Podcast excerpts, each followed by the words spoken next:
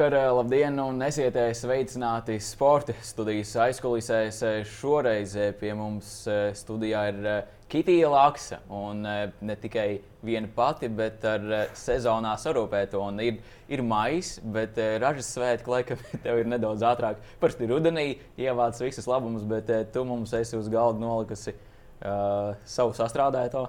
Vispirms jau sveiki, Kitija! Čau, sveiks, paldies par uzaicinājumu. Vienmēr prieks šeit atrasties. Pilnīgi acis apžēlobu no, no tiem kausiem. Es domāju, ka tu varbūt esi jau pieradusi uh, pie, pie viņiem. Kurš, ja tev tagad būtu jānosauc uh, no, no šiem vērtīgākās spēlētājas uh, tituliem, tev varbūt ir nozīmīgākais? Vai grūtāk nāk, uh, tas, kurš nāca?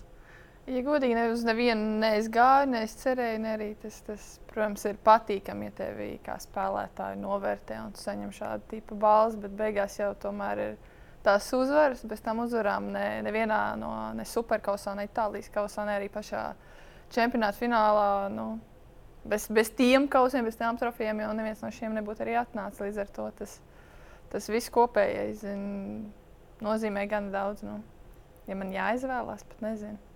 Labi, nemocīšu tevi, bet eh, kamēr mēs vēl neesam sākuši runāt detalizētāk eh, par eh, šīm uzvarām, jāpatur prātā, ka šis ir podkāsts, mūs arī klausās audio formātā. Un, viņi noteikti, tas, ka tie, kuri varbūt vēl nav pārslēgušies uz video režīmu, neredzēs šos kausus. Bet tev būtu jāraksturo tiem, kas mūs šobrīd audio formātā klausās, kas mums ir uz galda. Raksturo, varbūt pielietojot sev tīkamos epitetus, metaforus varbūt. Trīs trofejas ar basketbola elementu. Pat, pat nezinu, kā tā lai viņas noraksturo, bet uh, man liekas, drīzāk tas ir, uh, ja klausītājiem tas drīzāk būtu smags un sūrs darbs. Vienkārši vizuālā izskatā. Ja, pirmās divas, kas ir sanāk, Itālijas čempionāta un kausa. Uh, vērtīgākā spēlētāja uh, trofeja, viņas ir līdzīgas. Uh, tieši tādas pašas, jā, tieši tā. Bet uh, tie ceļi līdz viņām mums bija dažādi. uh, jā, nu. Tad tas laikam. Tas viss tiešām nu, no nosaukto ceļu, tas jau tas ir svarīgākais nekā, nekā tā beigu, beigu pietur. Uh, bet, jā, es nezinu, ko lai tev pastāstītu. tiešām bija, mēs sākām sezonu uh, augusta sākumā, un tagad ir maija, maija sākums, un maijā mēs beidzām visu. Un, un arī paņēmāt visu. Un paņēmām visu Itālijā, un uh, varbūt Eirolandā būtu gribējies tas Final Four, ko bijām tik tuvu, bet tomēr tik tālu. Uh, bija sāpīga tā sērija ar, ar Prāgu, kur to pirmo spēli mēs zaudējām tikai pāris punktiem spēles beigās. Otro spēli mājās uzvarējām diezgan pārliecinoši, un trešajai, diemžēl, mūs sabradāja.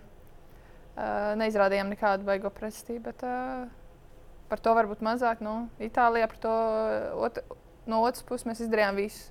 Visu, ko varēja paņemt, visus, visus bonusus, visas, visas trofejas un kausus, vispār mēs izdarījām to. Uh, ja godīgi neesmu iestījusies nekādās vēstures grāmatās, bet uh, cik daudz Itālijā ir triple crown paņēmuši komandas, to es, man liekas, tas ir gan iespaidīgi. Vienkārši ņemot to kopējo sezonu komandas iespējas, tas ir tiešām uh, iespaidīgi. Bet uh, es nezinu, vai noteikti tas ir. Noteikti kāds tev ir pateicis, ka tu esi pirmā, kurai ir, kur ir izdevies izcīnīt visās šajās trīs sacensībās Itālijā. Kausā, superkausā un čempionātā vērtīgākās spēlētājas titulu vienas sezonas ietvaros. Tas ir pirmā Itālijā. Kā būtu būt pirmā Itālijā, Itāļu valodā? Nezinu. Google Translate. man tāds satraukums, ka tu tik daudz par mani runā un slavē. To jau tu pati esi izdarījis ar uh, sevis iespēju, bet uh, tas, ka tu esi kļuvis par uh, um, nu, šādu vēsturisku ierakstu vaininieci, labā nozīmē, tas, tas raksturo šo sezonu kaut kādā mērā. Kas tieši? Nu, tevis iespēja tās uh, trofejas. Jo pēc tam, jo pēc. Uh, Rīgas, kad tev bija tā pussezona Turcijā, un pēc tam, kad tev pārbrauc uz Itāliju. Tad arī, manuprāt, vienreiz pat izteicies, ka nu, gribētu tā vienu kārtīgu sezonu, lai viss izdodas. Laikam īstenībā tā arī ir. ir sezona, kurā ir izdevies tiešām daudz.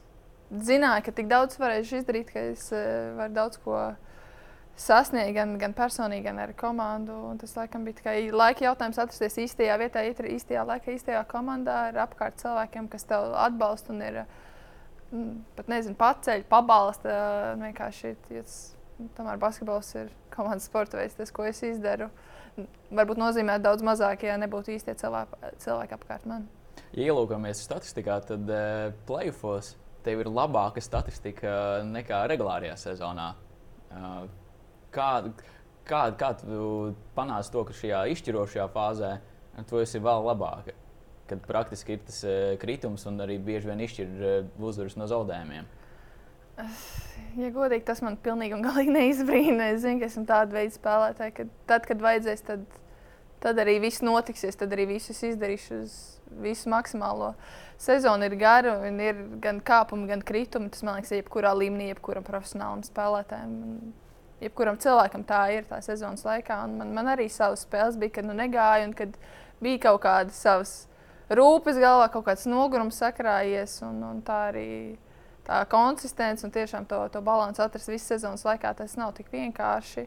Bet, tā, kad sākās izšķirošās spēles, tad arī es zinu, ko es varu un kāpēc šeit esmu. Tas playoff laiks ir, es zinu, ka tas ir mans laiks. Man patīk, man patīk spēlēt izšķiros spēles, man patīk spēlēt finālos, kas lūk, arī tiek parādīts. Vienkārši tā, tā, protams, negribas jau dalīt tur spēles, kas ir svarīgas, kas nav svarīgas. Tā, noteikti arī nav sezonas laikā, bet vienkārši kaut kas cits ieslēdzās. Vienkārši galvā ir kaut kas, kas tiek ieslēgts jebkuras svarīgas vai fināla vai playoff spēles laikā. Kad, uh, ir uz pēc, visu vai neko es eju savā pēc kārtīgi studenti, kas uz sesiju saņemās un vēl labāk. Nu, tā no, no vienas puses kaut kā noteikti arī izklausās, bet uh, vienkārši kaut kas iekšā vārās bišķi vairāk nekā parastā basketbola spēlē. Tad, kad ir vairāk spēles likts, kad ir lielāks spiediens, kad vairāk no tevis prasa un tiešām tie izšķirošie brīži. Tāpat arī tā, no, tas pirmais kausa, superkaus, kas nāca, man bija tas pēdējais metiens tas, tas es zināju, ka tajā brīdī, kad treneris uzzīmē to sadarbību, ka manās rokās būs tā bumba, viņš, protams, uzzīmēja manas metienu. Tas nebija metiens, tas bija garām gājiens ar kreiso roku. Es daru tieši cik reizes, nu tā, pa lielam, tieši necik sezonas laikā. Nav tā man nestiprākā puse. Bet, bet viņš arī riskēja. Viņš riskēja, un viņš uzticējās, un tas ir viens no pirmajām sezonas spēlēm. Un es nepievīlu, man liekas, to, to uzticību un tas kaut kāds savu veidu attiecības ar treneri un ar komandu. Tas ir ļoti svarīgi. Uzticība man liekas pats svarīgākā. Tur talanti, skills un vienalga, ko, kas tev iekšā ir. Tur savākt tur tiešām super komanda. Ja tev nav tā uzticība tajā komandas iekšienē, nu, ne tev trofejas, ne tev kausa būs mājās. Vēl tas, ka prātā jāpatur, es nezinu, vai tu to paturi prātā, ka vismaz Itālijā ir arī šis eh, spēlētāju leģionāra limits - četras. Tas nozīmē, jūs esat uh, trīs tagad jau. Ir? Trīs tikai leģionārs. Varbūt la... vienai spēlē pieteiks. Mums komandā bija četras, piecas. Mēs bijām. Pieci, nākamo sezonu būs četras, četras Itālijas jā. līgā. Jā, nākamo jā. sezonu šajā vēl. Bet tu arī izlaidi kaut kādas dažas spēles tieši. Divas, trīs spēles visas sezonas laikā. Godīgi, ko es nezinu, cik spēles visā sezonā bija. Bet uh, daudz man ma malā neatstāja. Kāda jums vispār bija attie eh, attiecības eh, savā starpā starp eh, ārzemniecēm? Jo tomēr nu, ietekmē gan noteikti arī atalgojumu, vai tu, te, nu, vai tu arī izcīnīji varbūt vērtīgākā spēlētāja titulu, vai tu tiesi pie tās iespējas. Vai jums tomēr bija tāda ģimeniskāka tā visa komanda? Tā atmosfēra bija gan draudzīga, bija ļoti draudzīga. Es arī priecēju, jo mēs pārstāvjām visi bijām Eiropieši. Tur pamainījās šurp turp viena amerikāniete, kur tikpat ātri, cik atbrauc aizbraucu mājās sezonas laiku, pievienojās vēl viena, bet tā arī tā savā burbulī padzīvojās arī baigi nevienam netraucēja, neko spēlēja, kā spēlēja. Tik ļoti varbūt tie komanda arī neiesaisties pašas, pašas vēlmes pēc, es teiktu. Uh, bet viss pārējais, kas mēs bijām, nu, diezgan, diezgan labi sadzīvojām, draudzīgi. Nu, ja tev 3-4 stundas katru dienu zālē pavadi kopā ar tām pašām sejām, dzīvo nepārāk lielā pilsētā, kur nu, ir tomēr tie trīs restorāni, uz kuriem tu droši vien noteikti kādā arī tāpat pusdienās satiks. Tad uh, tā atmosfēra ir gan, uh, gan draudzīga mums izveidojās, un par to arī tiešām prieks. Jo tā, kā es teicu, pirmā ir tā uzticība un tā kaut kāda arī tā pati saticība. Tad, tajā komandā, ģimenē, kurā mēs tur esam un dzīvojam tos deviņus mēnešus, tas arī bija liels faktors pie tā, ko mēs sasniedzām. Bet par to leģionāru limitu tas bija pilnīgs treneru lēmums pirms kādas spēles. Diemžēl varbūt netiks sakārtot, kā gribētos. Bija bieži pirms tieši spēles vakarā, līdz ar to no rīta ir treniņš. Un pēc tā rīta treniņa tev tikai pasakoja, sorry, tu šodien nespēlēsi. Bet nu, tev bija nepārāk bieži šāda nu, situācija. Man tāda situācija nebija, bet tik un tā arī tajās pāris reizes jūtu, ka nu, tādu nu, sarūktinājumu, kā tu Jā. gatavojies spēlēt. Tev dienu iepriekš pasaktu, ok, uzņemšu šo kā brīvdienu, atjaunošos, būšu gatavs nākamajai spēlē. Varbūt nu. tā bija treneru taktika visu laiku turēt uz pirksgaliem. Nu, vai arī ne vai pārāk forša taktika tā ir. Bet nu, kaut kādā brīdī jau mēs sākām jautāt, jo, lai nevarētu arī kaut kā mentāli sagatavoties, vai tu spēlē vai nespēlē. Tas jau arī tā sagatavošanās, tomēr tas process ir bijis citādāks. Kaut kā stundu skaits, ko tu iepriekšējā dienā gribi gulēt, ja tev ir nākamajā dienā spēle, vai tu to uztver kā brīvdienu savu veidu. Uh, bet nu, tie ir dzīves sīkumi dienas beigās, un ar ko man laikam par laimi jāsaka, nevajadzēja pārāk daudz saskarties, spēlēju daudz. Uh, palika, bija vesela visu sezonu, kaut kāds mik mikrotraumas un nekas, nekas tāds, kas kaitētu vai ne, neatļautu man spēlēt līdz ar to. Bet tad, kad tu devies uz Itāliju, tev nebija garantēta visa sezona, vai bija? Nebija. Nē, tas, tas, tas viņam ir tāds foršs viņa pasākums, pa, pasākums, ko viņi paši izdomāja. Jo, uh, bija tā, ka vasarā, ja nemaldos, jūnija beigas, jūlijas kaut kas tāds - sezona Turcijā. Pabeidz sezonu Turcijā marta sākumā. Nē, marta beigās. Jā. Marta beigās vajadzēja aprīļa sākumā pabeigt. Netikām ne plēfā, ne Eiropausā. Spēlējām drausmīgi. Tas viss tā nesakārtotība. Nu, bija jauna pieredze, viss bija forši. Pēc tam viss bija forši. nu, dienas beigās nu, šī uzņēma daudz jaunas pieredzes, uzņēma ar smaidu. Iemācījos pāris lamu vārdus turku valodā, un tas arī ir viss par to pusotru mēnesi, ko tur pavadīju. Sausais atlikums, jā. jā, aptuveni. Vismaz samaksāja? E, ar lielām grūtībām un lielu aģentu darbu, tad samaksāja beigās. Bet, uh, Tā arī bija pirmā pieredze tev. À, jā, savā veidā. Jā. Kā tu tieši šādā situācijā? Kad uh, atlīdzinājums netiek tāds. Kad tev ir jāprasa tas, kas tev pienāks. pienākās. Uh, nu, nav forši, bet uh, Turcijā tā ir praksa. To, man liekas, jebkurš, kurš brauc uz Turciju, zina, ka tā var notikties. Un ar tādu savu veidu, nezinu, nepārāk lielu garantiju es braucu, gāju spēlēt, gribēju, gribēju turpināt sezonu, par cik Latvijā Eirolīgai ar TT Rīgu bija beigusies. Latvijas čempionāts man tajā brīdī nelikās ļoti interesants un saistošs. Ja, ja ir tieši uz galda nokļuvis piedāvājums spēlēt Turcijas līgā un Eiropā. Nu, savu plusu-mīnus izvēlējies, ko, kas man tajā brīdī likās priekš manis labākais. Uh, lai kā nekas nenotika, baigi Turcijā neko nesasniedzām.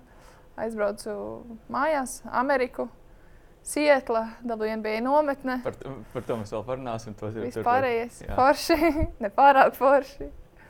Nu, tā. Un, un tieši Itālijas variants ar šo vēl negrantēto sezonu. Tas arī bija kā, kā risks, ko tu uzņēmies, vai, vai, vai vēl bija vēl, vēl šaubas tas ir vajadzīgs, vai, vai tas ir pareizais solis?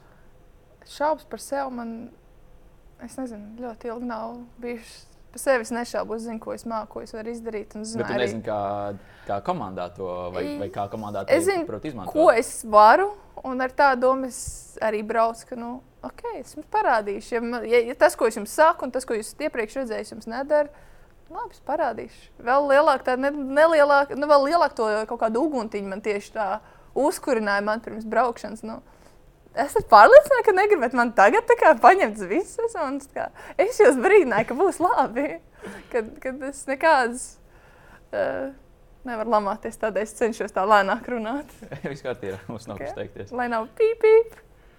Bet eh, savā ziņā tas kaut kādā mērā nu, noteikti to, kā arī pateici, pie, pie, piešķīra to papildus uguntiņu sezonai. Mm. Varbūt Nu, Nebūtu puses... izvērties, varbūt eh, nu, sezona, kā viņa tagad beigsies. Varbūt arī. Nu, Prasība, gan, gan es pēc tā garantēta līguma prasīju, nu, kāpēc nē? Nu, tu brauc... biji tāda, ja bez garantēta? Es biju, bija vēl uh, uz mēnesi, bija parakstīta lietu vieta. Monika Grigauskaita. Viņa bija uz mēnesi, mēs uh, kvalificējāmies Eirolīgai, viņa turpināja sezonu Čehijā. Bet viņai tas līgums bija uz mēnesi, viņa zināja to. Tas bija vienīgais tāds arī kaut kāds savu veidu jocīgs variants kā man. Man paņēma to sezonu sākumu līdz brīdim, kad atbrauc leģionāri. Leģionāri, kas atbrauc, bija Daimons Šilts, kas atbrauca uh, ap Ziemassvētkiem. Nu, līdz Ziemassvētkiem bija parādījis, ko es māku. Līdz ar to paturēju gan mani, gan viņu, gan visus pārējos. Uh, īstenībā atlaida viena itālieta, bet nu, tam leģionāru skaitam tas man baigi neietekmēja manu dzīvi. Nu. Bet jūs ar šādu soli skijo ietaupījāt, tīri finansiāli? Ar kādu tieši? Ka tev nebija garantēts līgums. Uh... Nu, viņiem bija iespēja, iespēja bija abām pusēm. Ziemassvētkos es varēju aizbraukt prom un pateikt, čau! Un tikpat labi viņi arī varēja pamāt man un teikt, nu, par to mēs vienojāmies. Cik nu, mans varbūt negribīgi nācās tas lēmums, bet uh, es zināju, kādu līniju braucu, kādu līmeni braucu, par to iespēju spēlēt Eirolandā, nu, kvalificēties Eirolandā. Līdz ar to pilnīgi neko nenožēloju, kam es piekrītu, vai kāds viss izvērtās. Nu. Līdz ar to arī pagarinājām līgumu līdz sezonas beigām. Turpināju pierādīt un parādīt, uz ko es esmu spējīga. Un, uh, nezinu, tas viss jau tomēr beigās jau ir. Nu, tā komanda, kāda man iespēja deva, tā, tā vide, kurā es biju, un tā arī tieši tāpat uzticība no paša trenera, kas tika man dota. Par treneru runājot, viņam ir uh, liela saikne ar uh, Latvijas monētu. Radu raksta Latvijā, jā.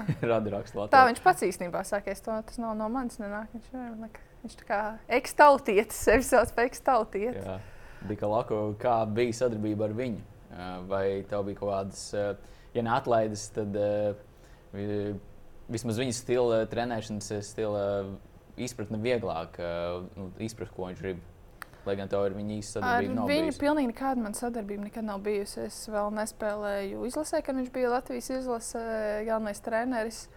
Uh, tik cik nu, viņš trenējas tiešām augstu līmeņa Eiropas klubus, gan, gan to pašu Fenerbahči un tā tālāk. Un par viņu loģiski bija dzirdējusi arī par viņa sasniegumiem kā trenerim. Līdz ar to tajā brīdī, kad viņš man vasarā zvanīja, un viņš bija tas, no kura puses nāca tas piedāvājums. Nevis no kluba. Nevis no kluba. Viņš kā parakstīja, kā treneris galvenais. Viņš mani. Es biju vienā no tām spēlētājām, ko viņš ņē, nevis ņēma līdzi, bet kur, kur viņš gribēja un redzēja savā sastāvā. Kā, līdz ar to tas ir arī kaut kādā ziņā. Es ne, negribu teikt, viņa nopelns, bet tas, ka viņš man deva šo iespēju, par ko esmu ļoti priecīga un pateicīga. Līdz ar to, nu, lai, lai gan ar to pašu skiju mēs Eirolandā ar TTT spēlējam. Bija gan abās spēlēs bija iespēja uzvarēt, ko mēs neizmantojām, bet tas jau nu, tā, tā ir vēsture. Bet tāpat laikā arī individuāli gan sev labi parādīju. Uz tā skatu spēlēt pret viņiem iepriekšējā sezonā. Bet uh, ar treneru sadarbību sanāca ļoti zelīgi, ļoti profesionāli. Viņš ir uh, uh, tiešām profesionāls un, un augsts līmeņa treneris ar savām gan savām dīvainībām, gan savām kaut kādām pozitīvām. Top 3 dievkalāko dīvainības kā trenerim. Nu, manuprāt, tas, ka katru dienu tās 4 stundas, vai tu esi plēsoņā, vai pirmssezonā, vai jebkurā dzīves brīdī spēlē basketbolu, ka tev jābūt obligāti tajā zālē tās 3 stundas nu, minimums. Tā kā atnāc, ja... Nu, aptuveni tā atnāca, un tagad gaida, ka tev paies. Nemeloši bija brīži sezonā, kad bija jau tik tālu līdz tam kaklam, ka nu, man tas pulkstenis šis pats bija uz rokas. Skatos šitien, skatos augšā, tas tablos pulksteņi, skatos šitien.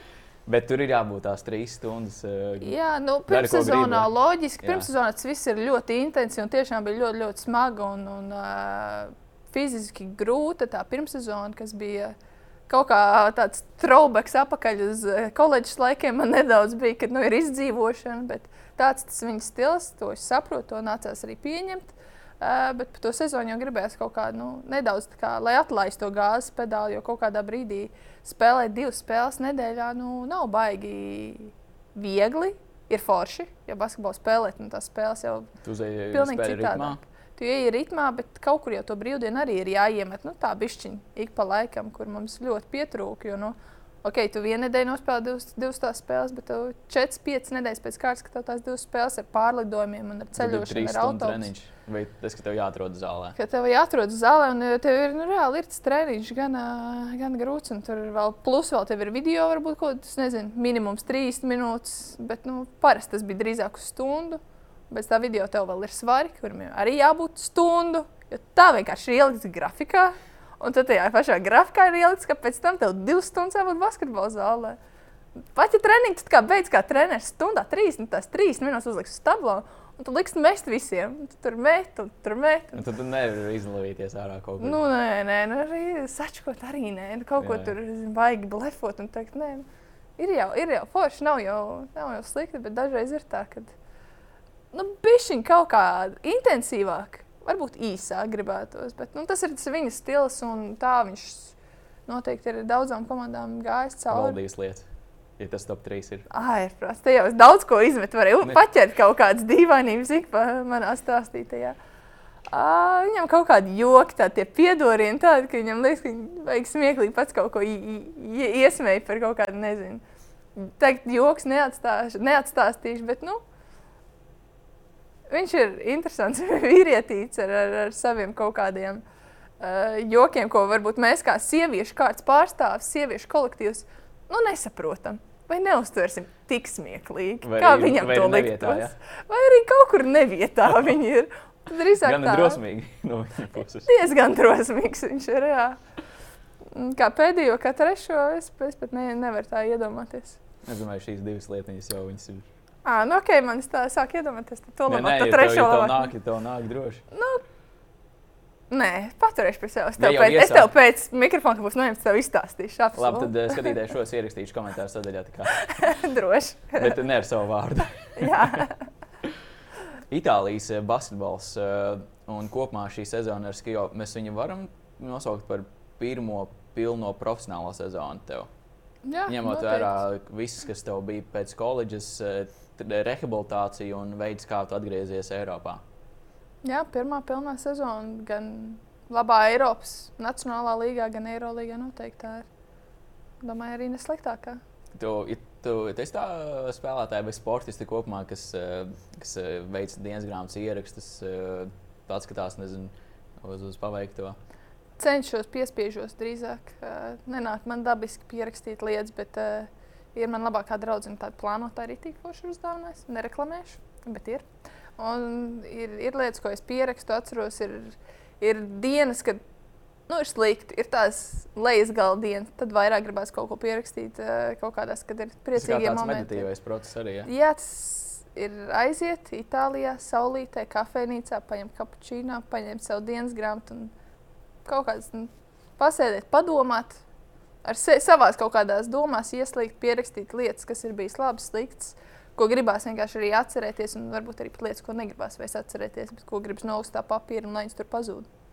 Fils Džeksons, eh, tie, kas varbūt ir skatījušies arī uh, dokumentālo šo sēriju ciklu par Maiklu Jordanu, parādījās tā iezīme, ka uh, Fils Džeksons uh, katrai sezonai iedeva tādu kā nosaukumu, kā virsrakstu. Uh, vai, vai tev bija šai sezonai, uh, varbūt ne virsraksts, bet uh, kaut kas tāds, ko tu. Lai arī nav garantēts līgums, kaut gan tu pati esi pārliecināta, ka, ja tu parādīsi to, ko tu proti un vari, tad nu, tur nevajadzētu būt problēmām.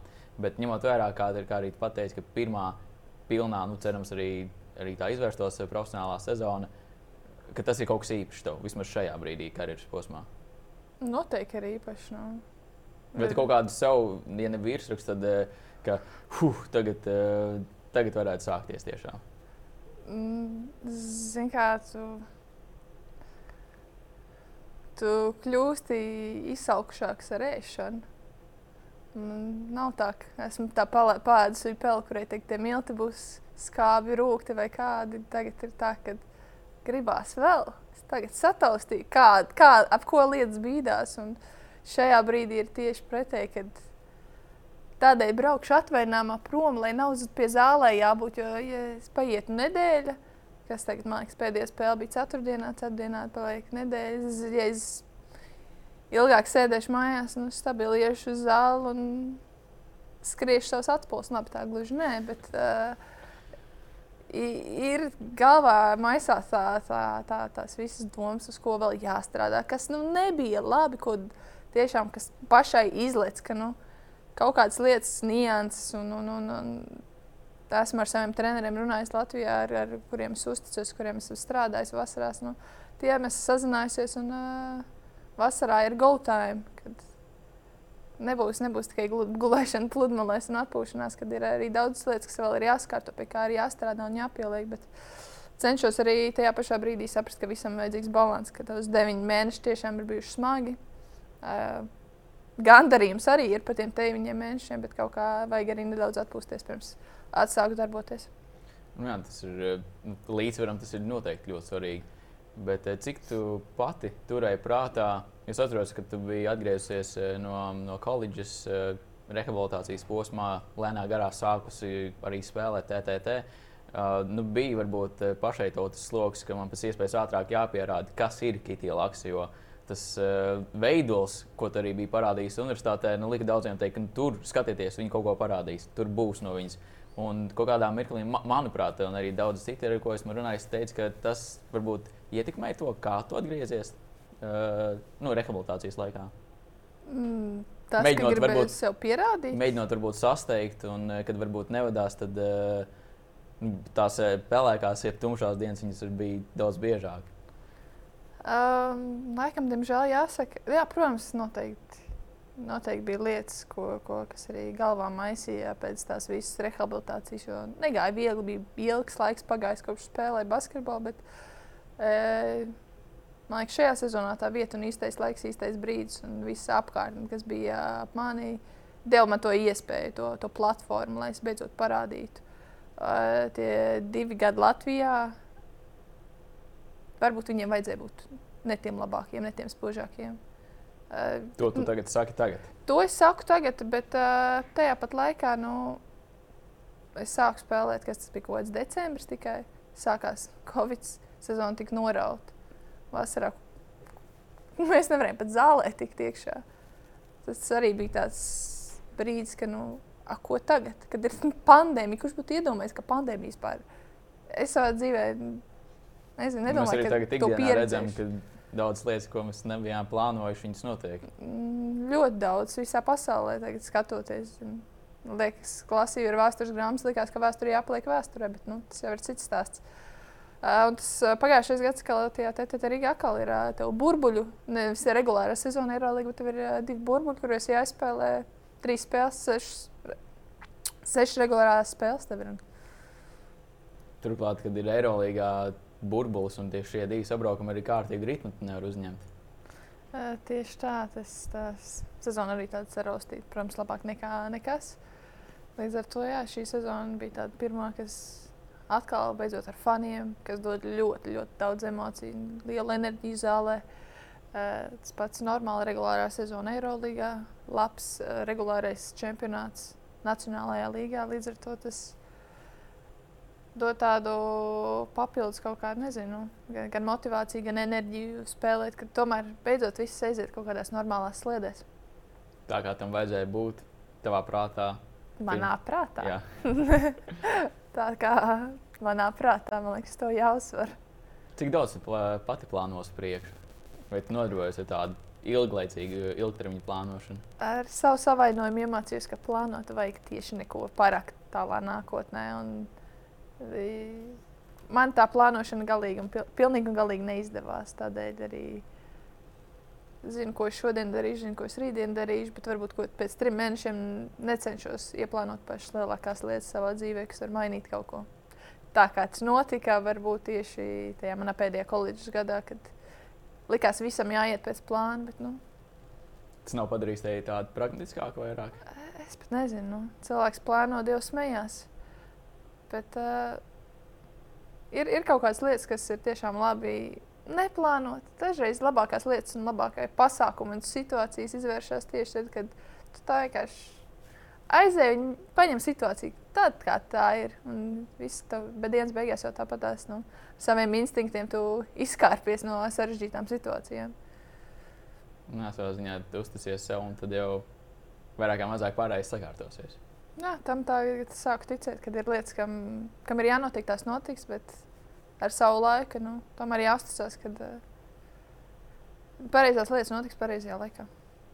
Nezinot eh, par uh, nākamo sezonu, vai tu jau zini, kur tu spēlēsi? Uh, vēl nezinu, viss, viss ir sarunas, visas durvis ir atvērtas. Uh, Nu, pēc tādas snieguma es domāju, ka tās eh, ka gan daudz ka klavē pie tavām durvīm. Uh, jā, par to es nevaru, par kaut kādu uzmanības trūkumu es nevaru uh, sūdzēties. Uh, ir, ir interesants arī periods, tagad, kad it kā gribās atzīmēt, svinēt čempionātu, bet tev jau par nākamo gadu jādomā, ir, kur un kā un kas ir labākais priekš manis pašs dienas beigās.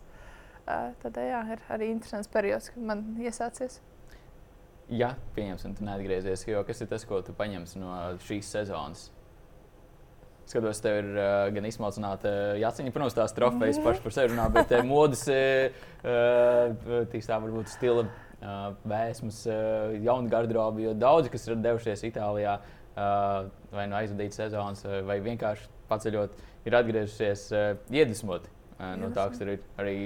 Dairis Bertāns, uh, kad spēlēja Itālijā, Milānā, tad arī viņš sāk pievērst uzmanību stilam. Tur arī varēja redzēt izmaiņas. Kā ar tevi šī sadzīves kā puse? Man liekas, drīzāk ceļot un redzēt visu, kas ir ārpus Latvijas robežām, vienmēr ir forši. Ir Es kaut ko no. Itālijas dzīves uh, ziņas paņēmu sevi. Protams, protams, kā esmu kaut kāda. Uh, man, man, man tā Itālija un Itāļi saistās ar dzīves baudīšanu. To, to kā viņi var 12. aiziet dienā, izdzert to savu kapučīnu, padzert ar savu samalku maizītes brokastīs, ēst. Uh, nevis latviešu zemnieku brokastis ar omleti un maizi. un- Kārtīgās un- čempionu brūces. Kafija kārtīgās šeit vienkārši padzer kafiju un smalku maizi kaut ko saldu. Nenormāli iest, nu to viņam pietiek. Tas pats arī, nu, sāc to. Tas weekends sākās tev 12. no tiem 12 līdz 6. sēdējā barčikā. Tur, tur cilvēki nāk, pievienojas, te tālāk, tur dzer savu aperolu, tur bauda dzīves saulīt. Un, Nav jau tā, ka tie ir kaut kādi bezdarbnieki. Tie cilvēki strādā, viņi pastrādā līdz 12, 12 līdz nu, kādiem 4. Tev ir pusdienu pārtraukums, tur viss veikali ir slēgti. Manā maz, mazpilsētā, protams, kā ir Milānā, to es varbūt labi nezinu, bet nu, tad kādiem 4, nu, varbūt 5. mēs pakāpē sākam strādāt.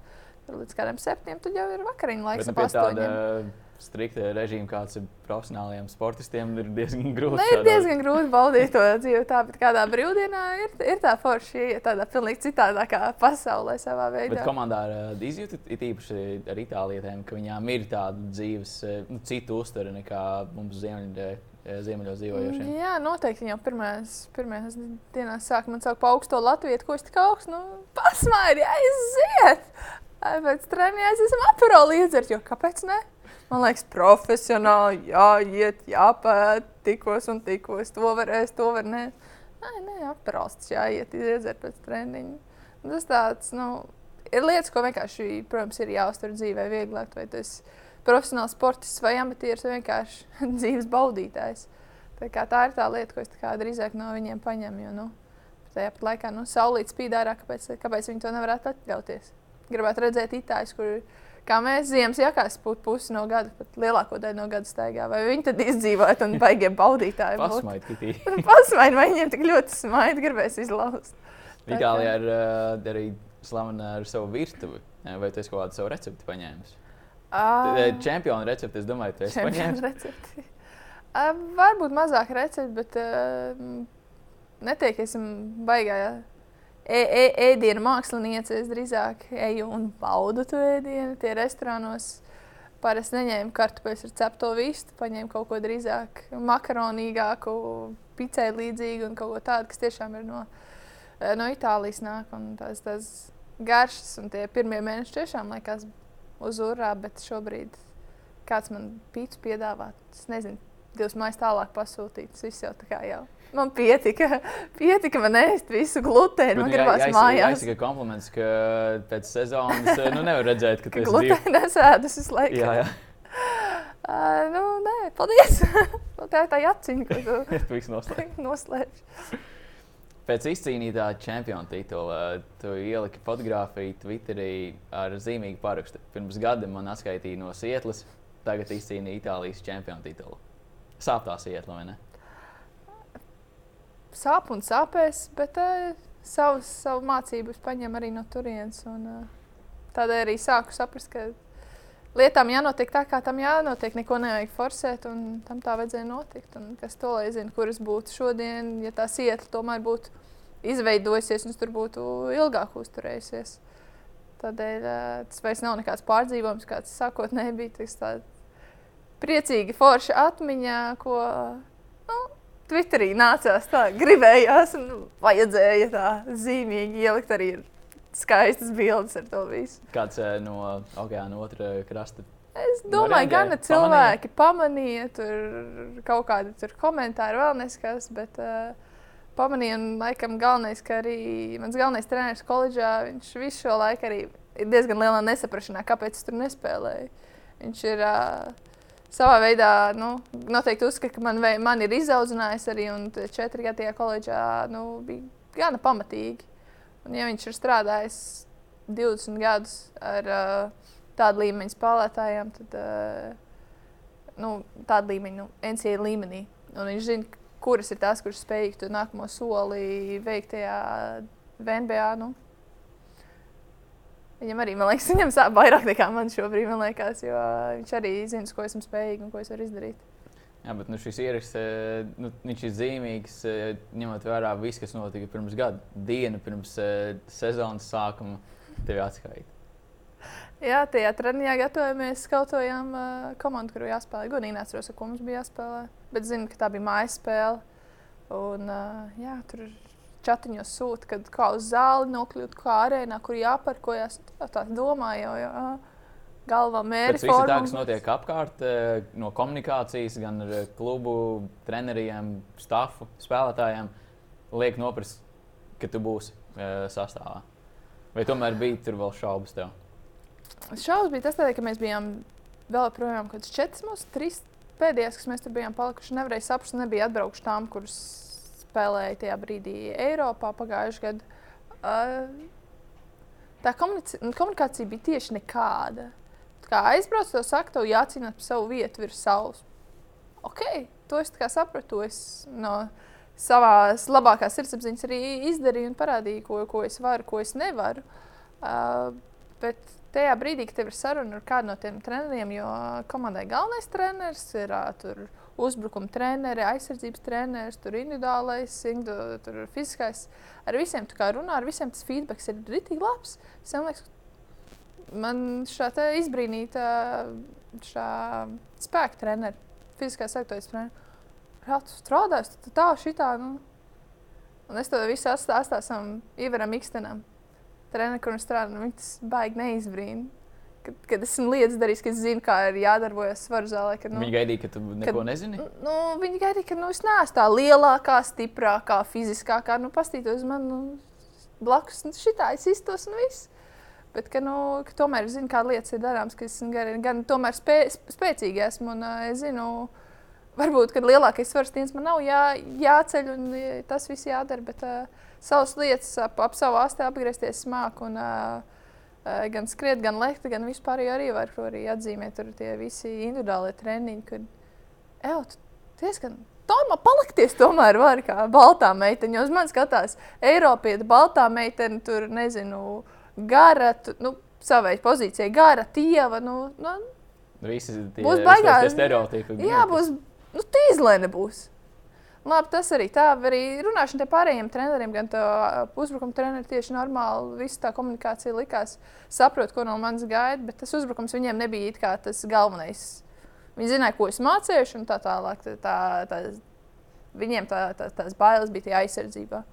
Bet vienmēr arī runājot par aizsardzību, tad tu visu saproti, visu centies. Nu, ok, visus vienmēr nenoseks. Nu, neviens tur visus nenosedz, un, bet saprast jau sistēmu. Dienas beigās komandas sporta veids, saprast sistēmu, kur tev jābūt pareizajā laikā, ir, kurā vietā, kam jāpalīdz un kas tev palīdzēs. Uh, bet galvenā runājot galveno treneru, kur pēc tam atlaiž četras dienas vēlāk. Viņam kā ne, nu, tev jācīnās. Nu, nu, ok, es cīnos. Tajā brīdī, kad manī teikt, atskaita, atlaiž, nu, tev bija nu, tev uz aizsardzību jāstrādā. Jo tur tas treneris to un šitā. Aizsardzības trenerim viss ok liekas. Viņi savā starpā pat ir. Viņiem pretrunas. savā starpā pilnīgs pretruns tā, it kā viņiem nebūtu viens un pats viedoklis. Tā kā viņš runā par lietām, tu tev, tev vairāk svaru zālē jāiet, un tu vājies. Nu, aizēju parunāt, es aiziešu parunāt. At, atnē, at, at, zāli. Atnāc svaru zāli, paskaties. Aizsardzības sūdzīga. Nu, ok, nu, Itālijas līgā, ko es redzu? Zandalsīnī, labāko Eiropas spēlētāju nosacīt. Cik viņi punktu vidēji met spēlē. Nu, ok. Tev protams, tas uzskats ir, ka es nevaru aizsardzībā spēlēt. Nu. Tādēļ varbūt arī tas arī iedod to papildus kaut kādu motivāciju šai sezonai, ka, nu, dienas beigās ne jau es kādam citam kaut ko gribu pierādīt. Gribējās drīzāk vienkārši sev to sev pierādīt un vienkārši pārējiem parādīt. Uz visu, ko man te visas šīs muļķības, ko man stāsta, ko tu tur nevari, ko tu tur vari. Nu, dienas beigās tā ir motivācija, tas ir iespējas darbs, tad, kad pārējie neskatās. Un tajā brīdī vienkārši lai tev rokas nesatrīc. Cik tu jūti, ka tas ir um, daļai arī biznesa lēmums? Ka varbūt tu kā latvieta, ja tu būtu amerikānieti, noteikti tev būtu pretēji citas prasības. Vai arī tev būtu aģents, kurš eh, prot vēl vairāk pārliecināt. Vai tu jūti, ka tavs lēmums, eh, kāpēc tu nebija Seattle Storm komandā, kas tevi draftēja, kāpēc arī te neiekļāva sastāvā tieši šī aspekta dēļ. Un tad meklēja varbūt šos nu, Atrunas. kas varbūt bija bez seguma. Uh, gribu godīgu atbildi. Jā. Šīs ir-. Simtprocentīgi tas neīstā tur rādas krāsa, neīstā nacionālitāte, neīstais kaut kas. Nu, nevis neīstais, bet vienkārši tas, ko viņiem nav interesanti. Viņiem. Tas, ka es zinu, ka es arī tagad tur varētu sacensties, to, to es arī zinu. Es tur varētu spēlēt, palīdzēt. Tas ir tas, ko tu pati uh, izsacināji. Vai, jo dažkārt, tad, kad uh, mums neiet, mēs varbūt iekšēji varbūt, uh, nedaudz vairāk uh, sadram- eh, dramatizējam situāciju un varbūt arī pieliekam šīs lietas, ko tikko minēji. Vai to, tā, tevis teiktajām ir arī kaut kāds uh, pamats, vai ar aģentu runājot, vai Ir kādu? Kas... runāts ar cilvēkiem, kas skatījušies basketbolu, sekojuši man līdzi. Viņi saka, tu tur vari spēlēt. Nu, es pati sevi baigi nevērtēju kā sev kaut kādu superzvaigzni. Tāda nē, es spēlēju, es spēlēju basketbolu. un Tā man ir sirdslieta. Dienas beigās tas ir darbs, un ar ko izdodas nopelnīt naudu. Tas arī ir forši. Bet, uh, domāju, esmu gan uz zemes. Un, kad būs īstā iespēja, tad, tad arī iešu un spēlēšu. Tad kādam iestāstīt, ka man tur ir jābūt, ka esmu to pelnījis, nepelnījis. Nu, tas nav mans darbs. Es aizgāju pagājušajā gadā, cīnījos no atkal, no visas sirds cīnījos un parādīju tādēļ tik ļoti. Nu, bija ļoti sāpīgi. Jo neesmu cilvēks, kas aizies un uh, uh, sev novērtēs tik augstu, oh, es izdarīju visu. Nu, nevienmēr ir kaut kas, bet tajā brīdī likās, ka es nezinu, ko te vēl es varēju izdarīt. Tik cik iespējām tiku, tik arī es viņus izmantoju. Un, Var izstieties vai sarauties, bet rezultāts nemainās. Teicu, bērnībā iemācīja teicienu, augstāk par savu dirzu neuzliks. Tā arī laikam tas notika. Nu. Kur, kur ir tā, kur tas līmenis mans, kāds ir, tāds ir, vai arī kur man jābūt, tur es esmu. Un, Bet es ir. Amerikā gan ilgi arī koledžas laikā uh, dzīvoju un arī iepazinis amerikāņu kultūru, šo komplementāro kultūru, ka tu esi labākā. Šoreiz tev varbūt nav vietas sastāvā, bet tu esi labākā. Mēs ar tevi rēķinamies. Arī tāds bija jūsu atvadas. uh, nē, viņi paši atzina, ka jā, ja būtu vairāk vietas komandā, būtu vairāk komandas vai tur. Nu, Restīvi, ka viņi redz man kā spēlētāju, kas tajā līgā var būt, bet vienkārši ne pie viņiem, ne tajā brīdī. Un Tas nebija īstais brīdis, īstais laiks man tur būt. Tieši, pat, tieši tāpat kā arī šogad. Tur viņi atskaitīja pilnīgi visus rūkīs, visu, ko viņi draftēja. Viņi atskaitīja. Viņiem nav vietas, viņiem nereiķinās. Nu. Viņiem vajag va- vārdus, viņiem vajag tur vēl nesko. Nu, vai, vai, vai tie lielie amerikāņu vārdi labāki par kādu eiropietu vai par kādu nezināmāku? Nu, tas arī tas ir viņu viedoklis un ar to jādzīvo. Toreiz arī, manuprāt, tajā dienā arī viens no tādiem slavenākajiem Twitter ierakstiem, kas ir, es nezinu, vai viņš jau folklorizējies, bet t- dienā, kad eh, tevi atskaitītu, ierakstīja ne pirmā, ne pēdējā reize, kad kāds iedirsa dvēselītē. Un dvēselīte demonatīvā. Nevis dvēselē, bet dvēselītē. Nu, kaut kāda humora izjūta beigās jau man tomēr ir. Bet, uh, tas, tā ir pagātne, tā ir pieredze, ko es paņemu. Un, uh, kā jau teicu, es neesmu atnācis kādam kaut ko pierādīt. Es, es zinu, ko es spēju, to es daru. Bet savā ziņā tev tomēr ir kādam jāpierāda. Jo tur Nu, ir varbūt ir kādam vienkārši jāatver acis un jāpaskatās. Tas, kas paskatīsies, redzēs, tas arī sapratīs. Nu. E, Es nezinu, es, ne, es ne, es par to tik ļoti necepjos. Tas e, bija pārdzīvojums un piedzīvojums divu vienā pagājušā vasarā. Šovasar esmu priecīga, kur es esmu. Esmu priecīga šeit atrasties ar to, ko izdarīju. gan ar šo ražu, gan ar, gan ar tomēr tiem tituliem, kas, kas tiešām ir nu, ar smagu darbu nopelnīti visiem mūsu komandai. Kāda vispār šobrīd ir tava situācija ar Sietlu? Viņiem pieder tiesības uz tevi, vai tu esi brīvais aģents un vari Es- klauvēt jau tagad pie jebkuras no komandām?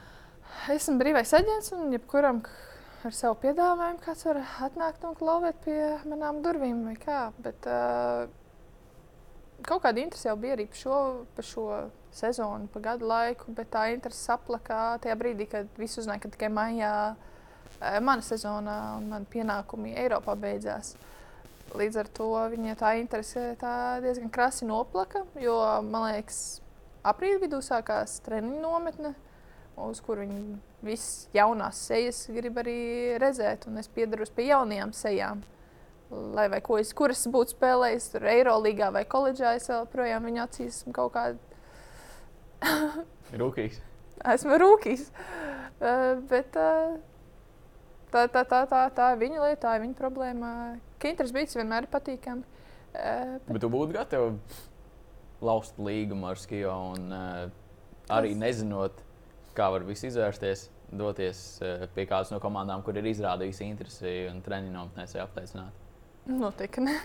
Man liekas, tā smieklīgi būtu. Pašai būtu tā jocīga sajūta. Jo Komanda- daudzas ir īpaši amerikānietis, arī viņam noteikti arī līgumā ir ierakstīts, eh, ka viņas varbūt var pārtraukt, vai pat bieži vien viņas to nedara un vienkārši aizbrauc uz treniņu nometni, kad sākas. Um, ļoti neprofes- neprofesionāls spēlētājs tā ir redzēts, ka darījušas, bet uh, lielāko daļu jau vienkārši sagaida pēc tās, pēc visām prasībām, visiem, visām lietām, kas notiek Eiropā.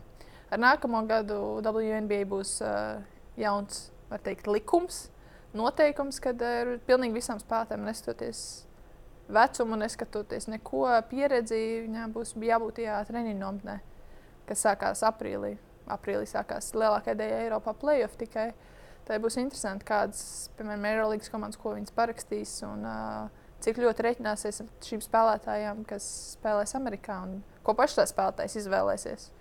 Jo viņi būs vienkārši šī un nākamā gada laikā būs izvēles priekšā, jo abus vairs nevarēs apvienot. Tas kaut kādā mērā ietekmē tavus plānus nākamajai sezonai, Mans līguma kontekstā. pilnīgi neko ne, neietekmē. Es gribu spēlēt Eiropā, es gribu spēlēt Eirolandā.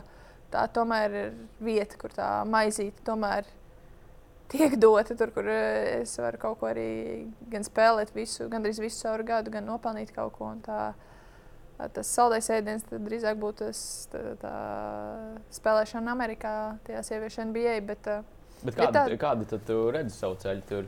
Ja tu nevari pievienoties aprīļa sākumā vai vidū, kad sāksies eh, nometne, tev ir Eirolandes, Eiropas vai vietējais čempionāts, un tu esi atbrīvojusies ā, labākajā gadījumā, kā tagad, piemēram, maija sākumā. Kur, kur ir tie ceļi, kā tu vari. eh, Ceļu nav. Tā, tā, tas ir arī tiem, kas šobrīd tur spēlē. Man liekas, lielākais jautājums. Man tas man piedāvājums var būt, var nebūt. Es tur Bet neesmu sezonas laikā ir- praktiski nereāli, ka kāds izteiks piedāvājumu. Uh, nav nereāli. Tas ir diezgan reāli. Ar savu aģentu arī es to, par to runājusi. Un, uh, uh, bet tā realitāte un man tā iekšējā sajūta, nu, nu diez vai. Ja jau pagājušajā gadā es paliku Amerikā un neviens mani nepaķēra tajā brīdī. un Es nepievienojos nevienai komandai. Nu, diez vai šogad es kaut ko es likšu, kaut kādas cerības uz to. Un... Formā es esmu. Man liekas, labākā formā nekā pusi no tām visām spēlētājiem šobrīd, kurš nu, varbūt nav spēlējuši lielāko daļu visu cauru gadu, ne, bet nu, kopš es esmu tādēļ. Tas, tas, tas, tas darbs vairs nav man. Bet uz ko pati tagad e, vairāk virzi savu uzmanību? Nu, pieminēji te spēlēšanu Eiropā, bet nu, tomēr sieviešu NBA. Nu, pēc tevis teiktā, tas ir sapnis, ko tu lai vai kā, bet mēģinās sasniegt. Ja tam būs lēmts notikt, tas notiks. Protams, desmitgadīgai Kitijai tas ritīgi gribētu. Viņai acis deg, ja varētu vienkārši pateikt, o, es dabūju NBA spēlē. Kaut tā būtu viena sezona, vai, vai arī kāds viss izvērtīsies. To es nezinu. Bet, protams, es neesmu atmetusi rokas, o, es tur nekad nespēlēju, o, es neesmu gana laba vai vēl tur kaut kas. Nu, tā nav. Bet vienkārši lietām jās, jāsaliekās pareizajos ceļos, un tad varbūt tas notiks. Tas nekad nenotiks, nu, nedomāju, ka es arī sūdīgāk spēlētāji būšu ar to, ja arī neuzspēlēšu. Nu. Es skatos, jau tagad ir uh, trīs trofejas, plus vēl medaļa. plus vēl medaļa. Tituli vēl kaut kas. Nu, viss jau tikai sākās tādēļ. Kā teicu iepriekš, nu, pārāk tālu arī necenšos plānot. Bet ar šo Uh, tu esi vismaz uh, apzinoties, kāds ir Eiropas uh, tirgus un profesionālais basketbols, tomēr ir biznesa, ka tu esi paaugstinājis savu vērtību. Nu, ja šis nevar to vērtību, tad kas tam var? es domāju, ka jā, bet kā jau teicu iepriekš, tikai eju un spēlēju basketbolu. Es izdaru to, ko es zinu, ko es māku. Tas, ka tagad varbūt bija lielāka platforma, kur to vienkārši parādīt, tas tāds bonus priekš manis bija. Tas nenāca man pārsteigums, o, oh, es ir laba sezona man bija. Nu, nē, es to, es visu, visu savu dzīvi esmu strādājis, to gājis. Tas, Vienkārši tie ir redzami, tie darba augļi. Tas, tas ir laikam arī viss. Kas būs tas, eh, kam tu vairāk pievērsīsi uzmanību, domājot par nākamo sezonu? Uh, sportiskais princips vai, vai šī uh, finansiālā puse? Būtu jau labi, ja būtu abi. Tas ir tas dažkārt, perfektā kombinācija. Jā, nu, tas ir perfektā. Jā. Perfektā kombinācija ir, kad algas pielikums ir un arī turpina spēlēt augstākajā līmenī. Un uz to, to, uz to arī ceru, uz to arī seju. Nu. Nav tā, ka tikai viens ir svarīgs. Un, diemžēl nebūsim naivi.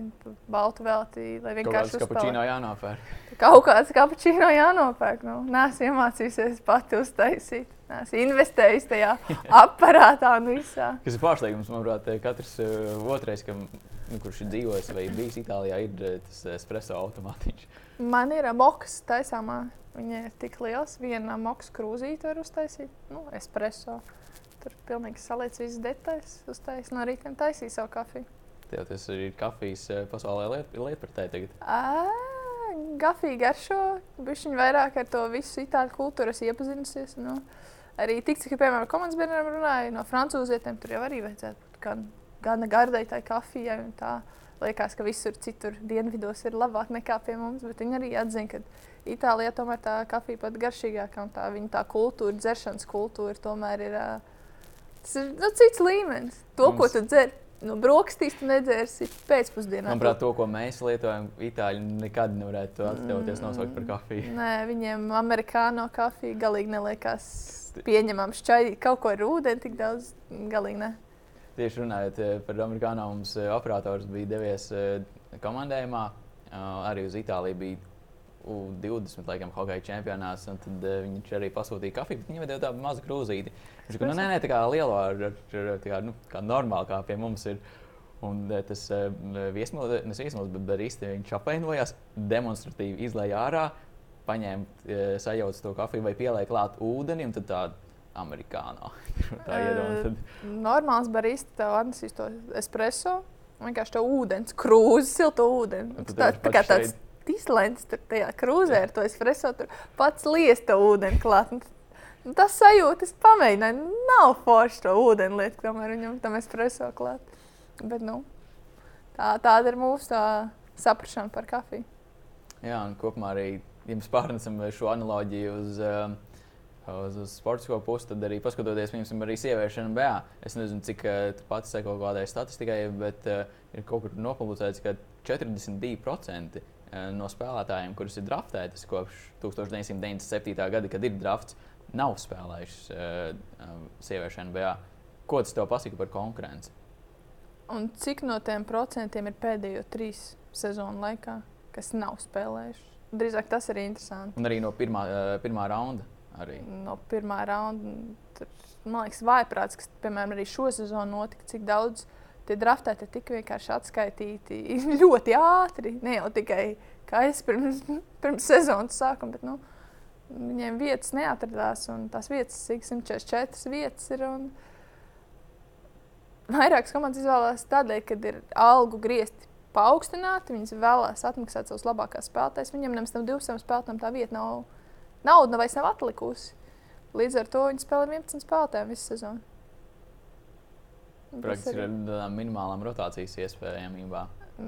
Minimālām rotācijas iespējām, kā var trenēties. Ok, viņiem ir uh, tie spēļu, nezinu, practice playeri, kas ir vīrieši parasti. Līdz ar to treniņu process ir gan, gan augsts, bet tomēr 11 spēlētājiem tas tāds risks, pišķiņ, tomēr, manuprāt, ir. Man liekas, ja, ja nemaldos, tad NBA ir 15 spēlētāji, tad varbūt tavā rosterā, tajā komandā. Nu, Garāka sezona, tā ok, tur ir daudz visādi kriteriji. Teikt, mēs nes- nesalīdzināsim vīriešus ar sievietēm. Tas jau, Īpaši atalgojuma kontekstā. tas, tas, tas jau vispār būtu negods mums to darīt. Bet uh, tomēr jā, tās iespējas ir tik, cik viņas ir. Un, Bet tā konkurence, esot tur uz vietas, eh, kā tu viņu raksturot? Tas kaut- Gaļas mašīna. Man uh, Aleks Gulba uzrakstīja, nu, pajautāja, ko man sagaidīt no uh, viņas treniņa. Pirms viņa devās uz Connecticut, uz treniņu nometni. Nu, vienīgais, ko es pateiktu, bija, tā būs gaļas mašīna. Kāds sitīsies pa savu vietu. Un, ok, smagi treniņi, nesmagi. Aleks spēlējis koledžā ļoti labā līmenī, ļoti labā skolā. Viņi to visu tur jaunu basketbolu. Viņai tur neviens noteikti neiemācīs. Varbūt dažas lietas būs vienkārši vieglāks un saprātīgāks, jo apkārtēji tev vienkārši ir gudrāki spēlētāji. Bet uh, īpaši tiem jaunajiem, nu, tur katrs sitīsies par to savu. Tev liekas, ka tu būsi tas 12. Vis- Katram liekas, ka viņš būs tas 12. Lai gan 25 cilvēki jūs tie zālē esat. Un, uh, tas arī to konkurenci parāda, ka nu, visiem jau tur gribās būt, bet ne visi var. To tu izjūti un pieredzēji kā neviens cits. Mm, laikam gan.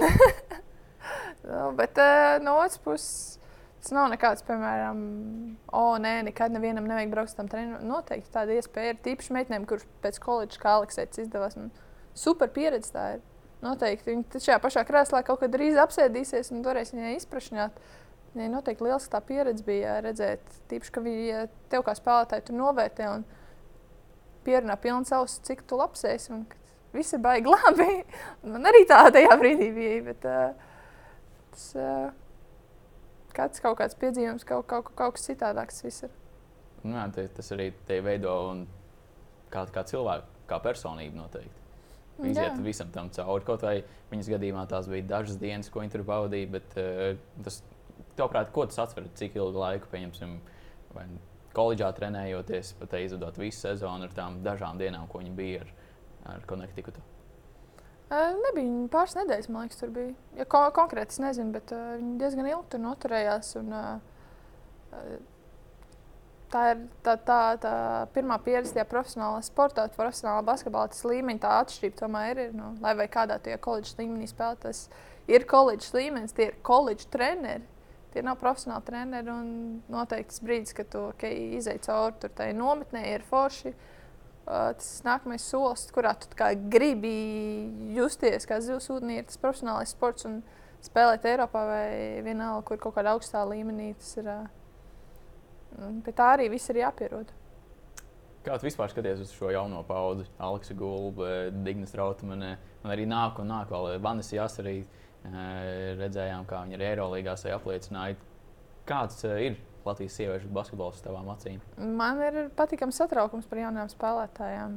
Man liekas, uh, viens ir jāuzteic treneris Matīs Rožlap, kurš strādā tieši ar jaunajām basketbolistēm. Protams, ir daudz treneru jāsaka, gan jaunatnē, kur, kur strādā ar meitenēm, bet uh, viņš izteikti ir tiešām jaunās, kuras viņš savā veidā ir izaudzinājis, kurām ir devis to iespēju. Un, uh, Arī redzēt, tas talants un tas viņu koptās un basketbola izpratne ir gan augstā līmenī, lai viņas varētu kā, to nākamo soļus spērt. Uh, bet viss jau pārējais ir atkarīgs no meitenēm individuāli. Tur var trenēties, netrenēties, tur uh, zils palicis un atspēries un vēl nesko, bet uh, viss jau ir no tās gribēšanas. Jo meitenes ir, kas uh, pabeidz vidusskolu, aizbrauc uz Ameriku, viņām tā Amerikas tā pieredze nu, galīgi nepatīkami ir izvērsta. tas nebija viņu vienkārši. Vēlreiz? Vai tas arī konkrētajā gadījumā nebija viņu? Kā nu kuram? Varbūt ne, Tas kā, ir- ne visiem ir. eh, Amerika ne visiem ir. Tas noteikti tā, tā ir tāda loterija. Līdz ar to